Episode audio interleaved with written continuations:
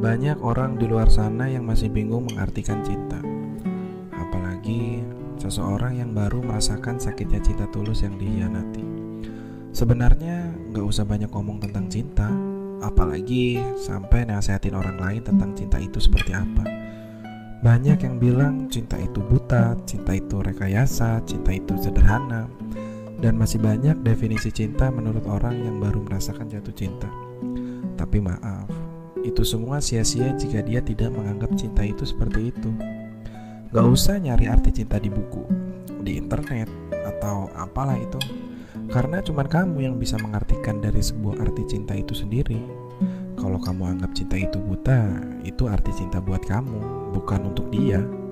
Jadi gak usah ngajarin orang lain arti cinta itu seperti apa. Karena cuma dia yang bisa mengartikan apa arti.